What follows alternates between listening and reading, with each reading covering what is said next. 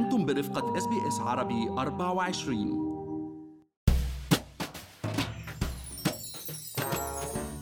بظل الحديث الدائر بأستراليا عن احتمال زيادة الضرائب وآخرها كانت دعوة محافظ بنك الاحتياط الأسترالي لزيادة الضرائب وإصلاح الميزانية. وبمكان مش كتير بعيد عن أستراليا بالي بتدعو الأستراليين للعمل والعيش وبتعفيهم من الضرائب.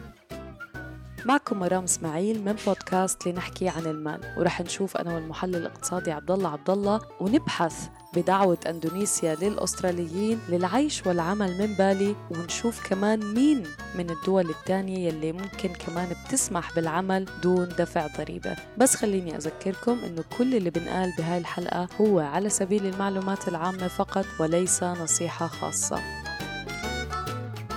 عبد الله معروف في جزيرة بالي بأنها واحدة من الجزر اللي بيرغبها وكتير محببة إلى قلوب السياح الأستراليين لحتى يقضوا فترة العطلة فيها. ولكن اليوم ممكن كمان تصير مكان عمل للبعض. فعلا مرام هذا الشيء صار أكيد ممكن وعم بيتزايد خاصة بظل موجة ما يعرف ال digital nomads الترجمة الحرفية لها يمكن ما بتعكس مزبوط شو هي يعني هي البدو الرقميين بالإشارة أنه للأشخاص يلي بيقوموا بعملهم بشكل كامل بشكل رقمي يعني وعن بعد دون الحاجة للالتزام بدوام مكتب بضلوا متنقلين. وهذه الظاهرة أكيد تعززت أكثر بعد أزمة كورونا آه، وهي فعلا منتشرة بشكل كتير كبير بين فئات الشباب يلي بيضلوا متنقلين من بلد للتاني بشكل مستمر ومن هون إجت تسمية آه، كلمة البدو الرقميين أو ال digital nomads وحكومة أندونيسيا بدها تستقطب هؤلاء لهيك سمحت للذين بيرغبوا بالعمل عن بعد. من بالي سمحت لهم بأنه يتقدموا على تأشيرة B211A الجديدة اللي بتسمح لهم بالعمل لمدة ست أشهر معفى من الضرائب. ويتم أيضا مناقشة تأشيرة مماثلة لمدة خمس سنوات. وهذا شيء إيجابي خاصة بظل القوانين الأسترالية الحالية مرام يلي ما بتفرض ضرائب على الأستراليين الغير مقيمين بأستراليا عكس الولايات المتحدة.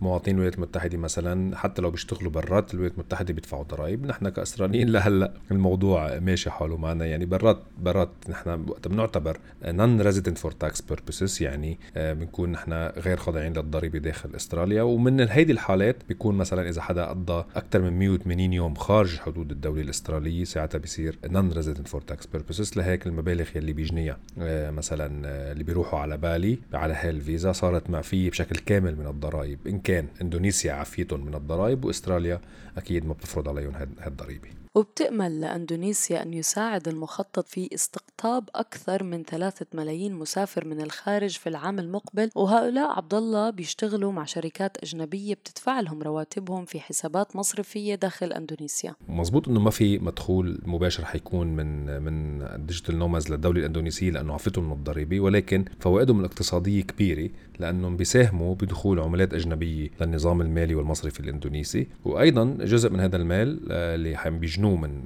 يعني من خلال عملهم مع شركات أجنبية خارج إندونيسيا رح يسمح لهم آه، أو رح يساهم بتدعيم الدورة الاقتصادية ببالي واللي فعلا يعني شهدت مآسي بآخر سنتين مثل مثل معظم الدول الثانية اللي بتعتمد على السياحة بسبب أزمة كورونا والإغلاقات آه، يلي آه، أثرت كثير على السياحة بهذيك الدول.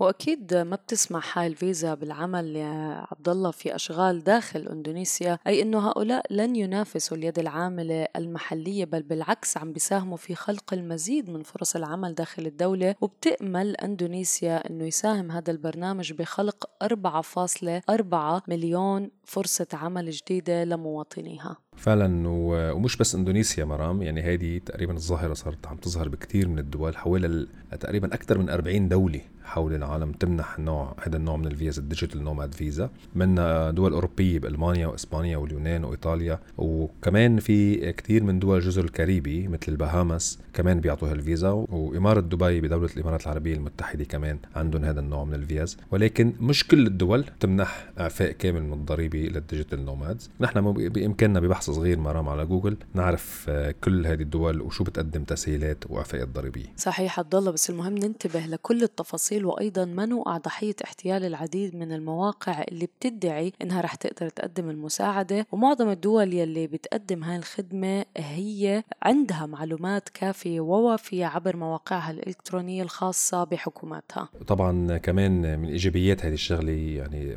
مش بس أعفاء الضريبية مرام يعني هلأ باستثناء أكيد دول أوروبية بتتميز معظم هاي الدول اللي بتعطي هالنوع من الفيز تكلف بتكلفة معيشة منخفضة. لهيك هذا الشيء بيسمح لكل اللي بيشتغلوا بهيك أنواع أعمال إنه يقدروا يوفروا بنسبة أكبر آه، من مدخولهم السنوي.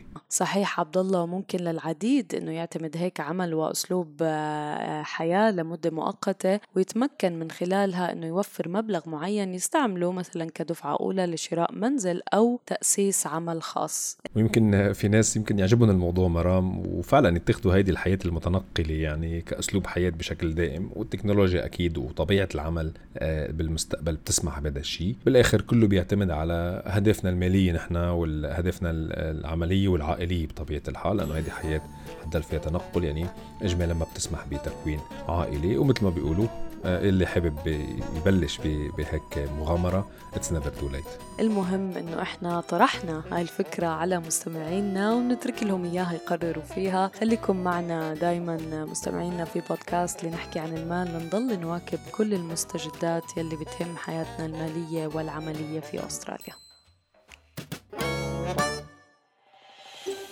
هل تريدون الاستماع إلى المزيد من هذه القصص؟ استمعوا من خلال أبل بودكاست، جوجل بودكاست، سبوتيفاي أو من أينما تحصلون على البودكاست